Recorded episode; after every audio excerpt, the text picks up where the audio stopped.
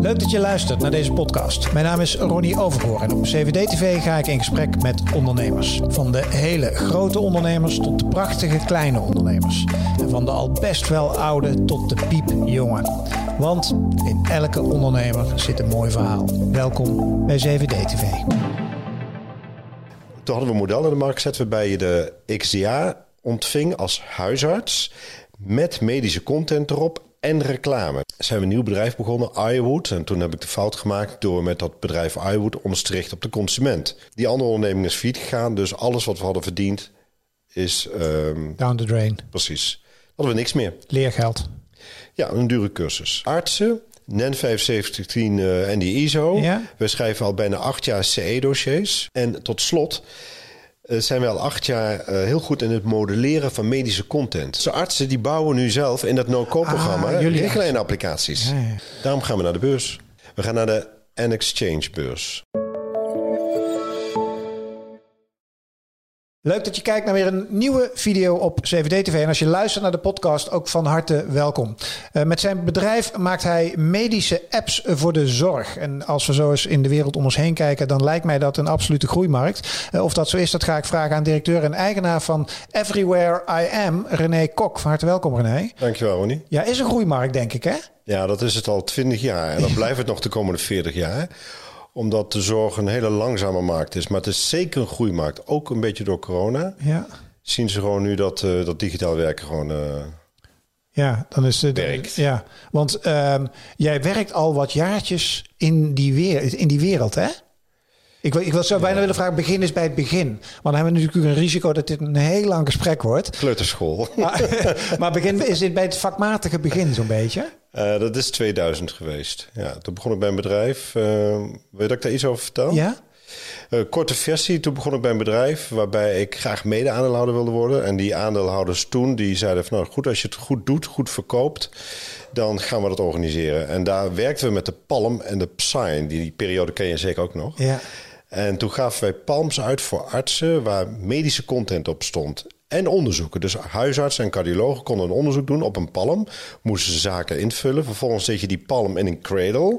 En via een netwerkverbinding kwam dat in onze database Oh, terecht. dat had je al wel, die netwerk. Oh ja, natuurlijk was 2000. Ja, dat was maar de Palm zelf was er niet voor de jongere kijkers onder ons. Een soort grote eh, soort iPhone-tablet-achtig Ja, combi. ja, ik zou zeggen een hele kleine iPad met een soort pennetje waarmee je graffiti kon schrijven. En in 2004 kwam de XDA op de markt. Met de XDA kon je bellen en internet. Ik weet niet of je dat nog weet. Die werd uitgegeven door O2. Nou, lang verhaal kort.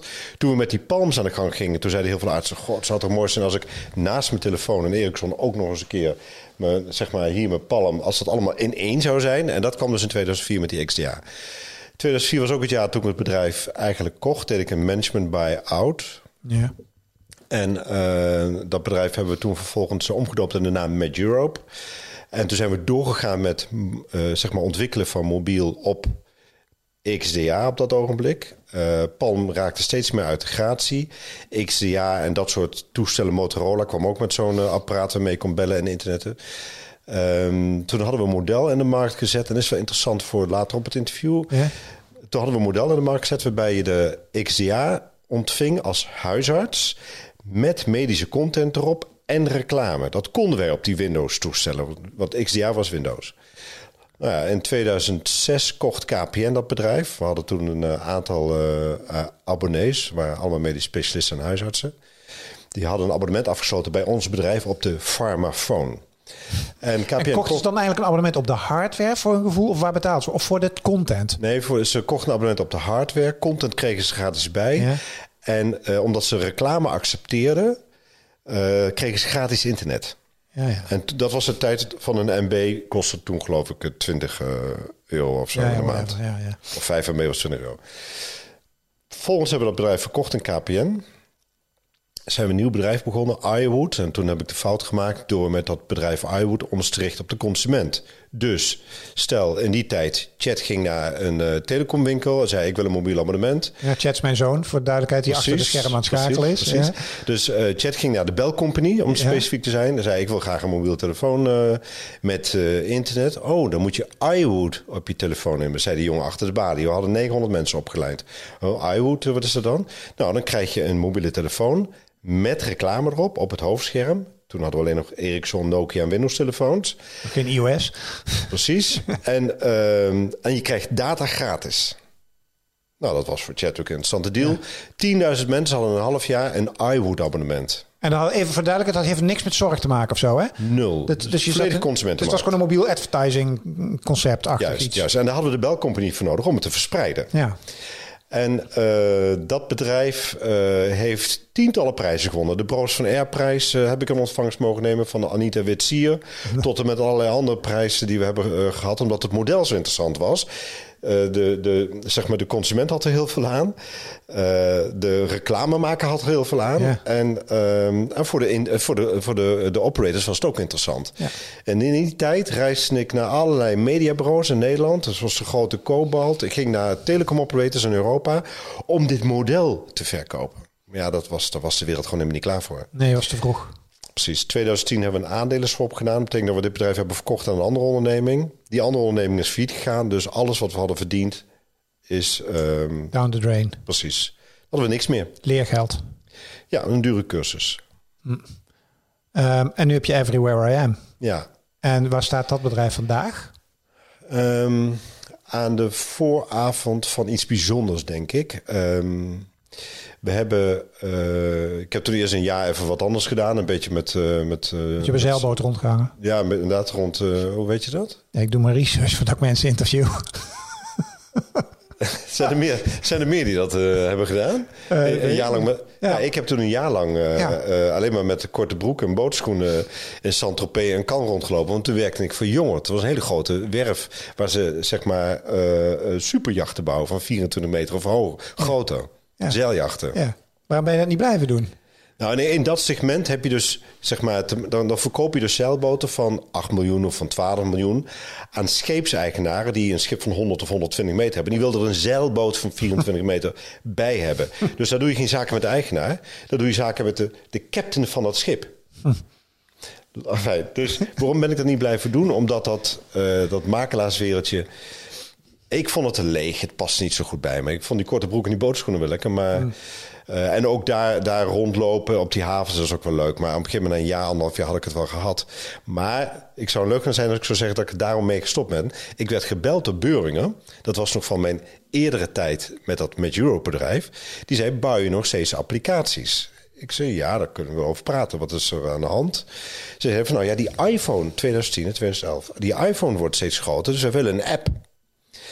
Nou ja, lang verhaal kort. Sanofi eh, een paar maanden later, we willen ook een app. En toen ben ik dat, zeg maar, superjachtensegment... waar ik net anderhalf jaar in zat, ben ik gaan verlaten. Toen ben ik eigenlijk met Everywhere begonnen per februari 2011...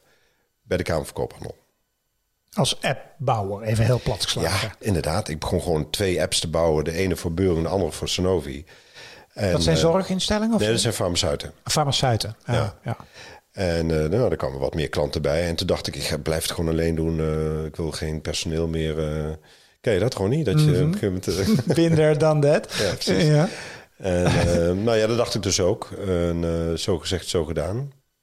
Maar er kwamen steeds meer klanten bij. En er waren ook zo... Af en toe kwam er een medische vereniging voorbij.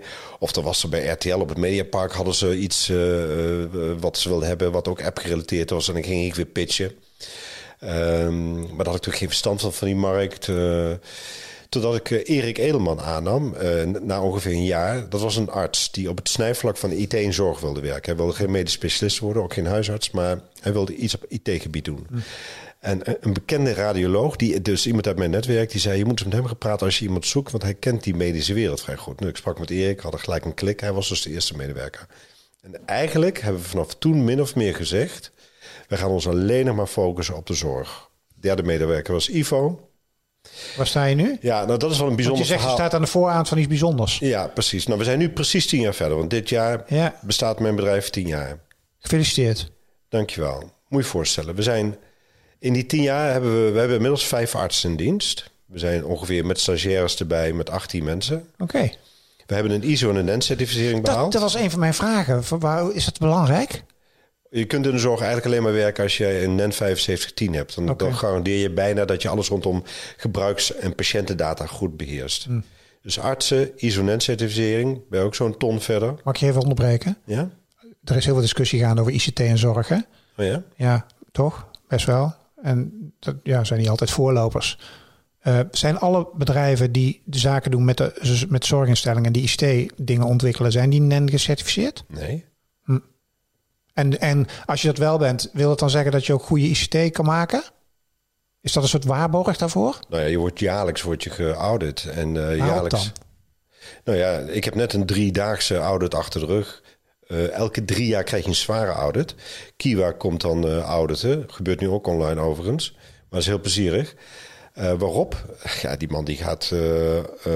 of als hij fysiek aanwezig is, of dat hij het online doet.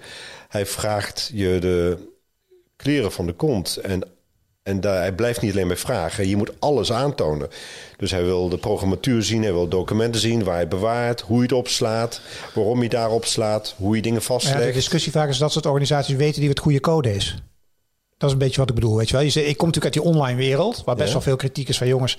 Als je ziet wat wij voor een paar miljoen kunnen bouwen en dan krijg je weer een zorginstelling of een overheidsinstelling, dezelfde discussie een beetje, hè, die dan weet niet hoeveel miljoenen ergens aan verspijken en dan werkt het weer niet of dan ziet het er niet uit. Of dan, oftewel, zo'n club, kan die goed oordelen over code?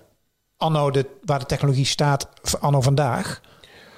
Oh, die auditor die wij uh, nu voor de derde keer achter elkaar hebben gehad, die kan er wel iets over zeggen over code, maar als je vraag is, ben je met een NEN 517 en een ISO gegarandeerd een goede partij voor een zorginstelling? Nee, want dan hangt er nog heel erg vanaf hoe je er vervolgens mee omgaat met die ISO en. Als jij elk jaar uh, zonder tekortkomingen door die audit heen gaat... en we moeten toch vaststellen dat die audit... Ja, die audits die zijn wel streng. Mm -hmm, uh, ik vind niet zomaar, dus geen wassen neus. Ik vind geen wassen neus, nee. nee. nee. We zien er ook ieder jaar weer heel erg tegenop.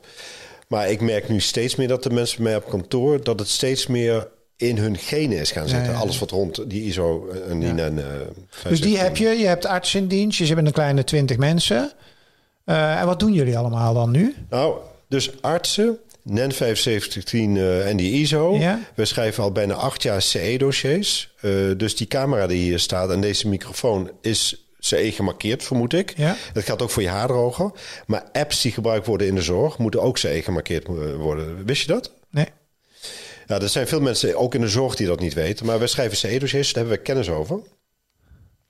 En tot slot uh, zijn we al acht jaar uh, heel goed in het modelleren van medische content. Moet je je voorstellen. Medische content moet je denken aan daar richten wij ons op. Richtlijnen en protocollen. Elke chirurg, elke neuroloog moet werken volgens richtlijnen en protocollen. Wij zijn heel goed in staat om zo'n document, wat bestaat uit 40 of 100 of 200 pagina's, om dat door te lezen en die content te modelleren naar mobiel. Zodat het op mobiel fijn en handig bruikbaar is. Dus niet dat je moet gaan opzoeken. Ik heb hier een patiënt van 45 jaar. Ik zie dat er een familie wat correlatie is met uh, darmkanker. Maar dat je invoert, patiënt, man, vrouw 45 jaar, familie. Enfin, dat is een stroomschema-effect. Eh, dat doen we al acht jaar heel goed. En toen zijn we in 2018 begonnen met het bouwen van een softwareprogramma. Heb je al eens gehoord van eh, Betty Blocks en Mendix? Mendix? Die hebben een no-code programma. Everywhere I Am, die bij jou hier op de bank zit, heeft ook een no-code programma. Hebben wij zelf gebouwd. Dus hoef je geen code te kloppen Juist. om daar zelf apps mee te... Juist, dan kunnen jij, Chat en ik kunnen daar gewoon een applicatie Chat mee maken. is degene die schakelt achter de schermen, hè? dat is mijn zoon. Ja. ja. Oh ja, precies. Wordt hij eigenlijk ook eens een keer beroemd op CVD-TV. Ja, hij is zo bescheiden altijd. Maar dus met dat programma, kijk, vroeger, 30 jaar geleden, als je, ja, ik weet niet, als je een PowerPoint-presentatie maakte, was je denk ik dagen bezig. Maar nu kun je met een PowerPoint-presentatie, heb je een uur heb je iets klaar. Nou, met een no-code-programma kan het ook. En, maar wie gebruikt dat dan? Zeg maar met name. Toch niet nou, artsen zelf wel? Ja, onze artsen die bouwen nu zelf in dat no-code-programma ah, richtlijnapplicaties. Ja, ja. Dat is waanzinnig. Dus als je je NEN 7510 en je ISO hebt, dus een, dat betekent dat je kwalitatief bepaalde processen hanteert in je onderneming. Je hebt arts in dienst, je hebt een no-code-programma, je kunt CE-dossiers schrijven en je weet hoe je content moet modelleren. Dan heb je dus vijf ingrediënten in huis waarmee je feitelijk de grootste medische app-uitgever kunt worden. Eigenlijk zou Elsevier dat moeten gaan doen. Of Wolters Kluwe in Amerika. Want Waar, maar waarom doen zij dat dan niet? Daarom gaan we naar de beurs. Jullie gaan naar de beurs? 28 juni dit, uh, deze maand. We gaan naar de N-Exchange beurs. Oké. Ja. Om geld op te halen. Ja, om geld op te halen. Maar waarom gaan we naar die beurs om geld op te halen? Kijk, je hebt ook voldoende investeringscompanies, zoals je weet, uh, privé-investeerders. Wat wij willen, is wat ik al tien jaar hoor vrijwel alle medische specialisten die wij spreken, of artsen, waar wij projecten doen. Ik denk dat zeker wel 50% altijd zegt: Goh, wat gaaf wat jullie doen. Uh, dat is een mooie oplossing die je gebouwd hebt. Daar kunnen we het werk beter mee doen. En dat snap ik ook wel, omdat zij dagelijks geconfronteerd worden met elementen in hun werk die heel goed gedigitaliseerd kunnen worden. Je kent het voorbeeld wel van de patiënt die nog steeds in de AVL wordt opgenomen, maar eerst van tevoren een, lijst, een papierlijst moet invullen. Heel makkelijk te digitaliseren. Maar, dus wat wij doen, en daarom gaan we naar de N-Exchange beurs, is zorgen dat wij minimaal 1 miljoen ophalen uit het veld. Dus van zorgverleners of zorgverzekeraars, ziekenhuizen, maatschappen, kan ons niet schelen als het maar zorggerelateerd is. En als het maar partijen zijn die mee kunnen denken over onze volgende, zeg maar, tien jaar. Maar waarom dan via een beursnotering? Je kan dat toch ook dan, je kent die wereld toch, dus je kan toch ook een paar van die partijen, dat is miljoentjes, ja, het klinkt misschien stoer, maar dit, dan kun je wel een paar bedrijven vinden die zeggen, hé, hey, daar willen wij wel instappen. Ja, wij zijn purpose-driven. Uh, daar zijn we begin dit jaar mee begonnen om dat uh, te oefenen. En dat zit nu ook steeds meer in onze onderneming. Dat betekent dat wij de zorg meetbaar willen verbeteren voor de zorgverlener, kan een arts of verpleegkundige zijn, en de patiënt. Dus als je purpose-driven bent, dan gaat het dus niet meer om het geld. Dan is de purpose feitelijk de baas binnen je onderneming. Hm. En wat ik vaak zag bij investeerders, is dat het hun meer gaat over het rendement over drie of over vijf jaar, dan om wat je werkelijk als organisatie bent. En om daarmee te kunnen exiten daarna. En, uh... Ja, daar zijn we niet mee bezig. We zijn echt bezig om die zorg meetbaar te maken. Meetbaar beter te maken. En met name ook voor de patiënt. Maar je, uh, even nog inzoomen op die beursgang, wat voor beurs het dan ook is. Dan, uh, ik zeg altijd, je bent wel dan best wel aan de goden overgeleverd. Natuurlijk ook een klein beetje, hè, qua waardering en finance en zo. Ik bedoel, ik heb wel eens ondernemers gehoord die zeiden, nou ik wist niet hoe snel ik hem er weer af moest halen. Want ik had het gevoel dat mijn bedrijf niet meer was, zeg maar. Dus, dus aan de andere kant kan ik me ook voorstellen, als je zo'n beurs op gaat, dat ook je purpose onder druk komt te staan. Omdat de beurs zegt, uh, je moet dit of je moet dat, of anders straffen we je af. Ja, nou dat kun je voor een stuk oplossen doordat we een stichting gaan oprichten. Die stichting krijgt veto met 1% aandeel. En in die stichting waar ik zelf in deelneem, uh, en nog een paar mensen zullen wij ervoor zorgen dat de purpose gehandhaafd blijft. Dus ook als wij over een tijdje overgenomen zouden worden door een andere onderneming en het voldoet niet aan de purpose, ja, dan, dan zal het bedrijf niet verkocht worden. Want is dat wel een van de mogelijkheden? Dat het, want ik kan me voorstellen, je zegt het even zo heel brutaal, ja, Wolterskluwer of wel. Maar ik kan me best voorstellen dat die. Want zijn jullie de enigen die dit doen in Nederland?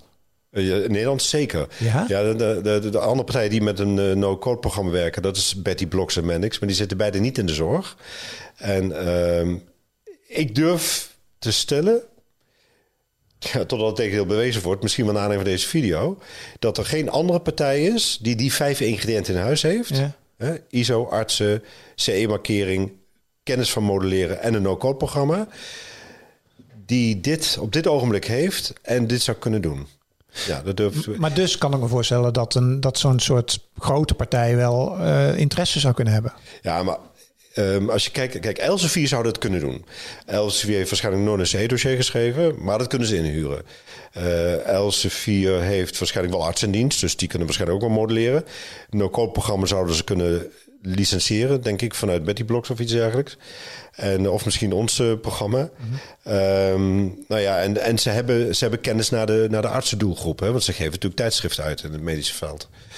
Uh, dus dan is het een, een, zaak, is het buy or build. Ja. Uh, volgens nog denk ik niet dat Elsevier past bij onze purpose, als ik eerlijk ben. Oké, okay. is altijd goed om te zeggen. Op camera, gewoon playing hard to get. Ja, nee, maar ik denk dat het oprecht zo is. Ik heb voor een tijd terug met... Uh, uh, een van de raad van de, van de commissaris gesproken, van de, de raad van commissaris van Elsevier. En ik heb haar verteld twee jaar geleden, wat wij nu aan het doen zijn, dit hoort bij Elsevier. Ja, ja, precies. Dit, dit is iets wat jullie moeten doen. Je moet er beslist over gaan praten. Maar ja, wat zo iemand dan doet, is die stuurt je naar de M&A-afdeling en die stuurt twee dagen later een mailtje van, uh, nee, daar hebben we nu geen tijd voor. Nee, ja. Dus uh, Elsevier gaat hem niet worden. Misschien Kluwer in Amerika. Waar ga je die miljoen in stoppen als je morgen ophaalt op die beurs? Uh, ik heb nu net een kantoor uh, geopend, zo niet formeel geopend, maar we hebben de ruimtes bekeken in het Erasmus, waar we een tweede kantoor gaan openen. Waarom zo dicht op Amsterdam? Om de doodvoudige reden dat wij veel meer artsen gaan aannemen. En in Amsterdam ja, kennen we de pool inmiddels. Um, en we willen uitwijken naar, uh, naar Rotterdam. Want ook in Rotterdam en in Maastricht zitten voldoende artsen die naast hun bestaande werk parttime uh, in de IT in de zorg willen werken. Ja. Dus waar gaat het geld naartoe? Het gaat in eerste instantie naar uh, artsen die niets anders doen dan medische richtlijnen en protocollen modelleren voor mobiel. In no-code programma. Dus dan moeten ze leren, dan moeten ze in getraind worden. En dan gaat het, uh, dan gaat het draaien. Nou, dan ooit bij, de, bij het, zeg maar, ooit is klaar, zeg maar. Uh, ga je dan weer zeilen? Oh, ik zeil nu al best veel uh, samen met Antoinette. Uh, sowieso vrijwel elk weekend. Hè. Onze kinderen zijn natuurlijk ook al voorbij de 18. we samen hebben we vier kinderen. de jongste is 18 en de oudste is 21. Mm Um, dus we zijn al bijna elk weekend weg. Hè, want je hoeft niet meer voor de kinderen thuis te blijven. Als je mij nu vraagt, uh, ga je in de zomervakantie varen? Ja, vast. Uh, langs de kust uh, naar België en naar Frankrijk. Dus doordat je elk weekend vaart, heb je bijna, bijna geen behoefte meer aan vakantie. Hey, laatste vraag. Wat zijn je belangrijke um, um, ondernemerslessen in jouw inmiddels toch wel aanzienlijke carrière? Altijd zo oprecht mogelijk te zijn in, en zo, zo dicht mogelijk bij mezelf te blijven. Mm. En denk ik dat het een belangrijke les is voor elke manager. Zeker de managers in bewoording. Mij is dat nooit verteld, ook niet toen ik 30 was, want toen deed ik dat beslist niet. Dat als je thuis net zo bent als dat je op je werk kunt zijn en andersom, ja, dan ben je ook het meest in balans, denk ik. Ja, dankjewel René. En heel veel succes. Jij ook, bedankt Ronnie.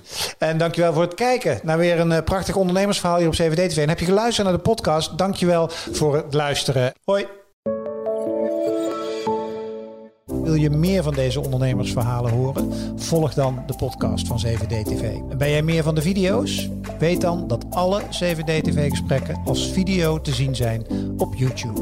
Voor nu, dankjewel voor het luisteren en heel graag tot een volgend gesprek op 7D TV.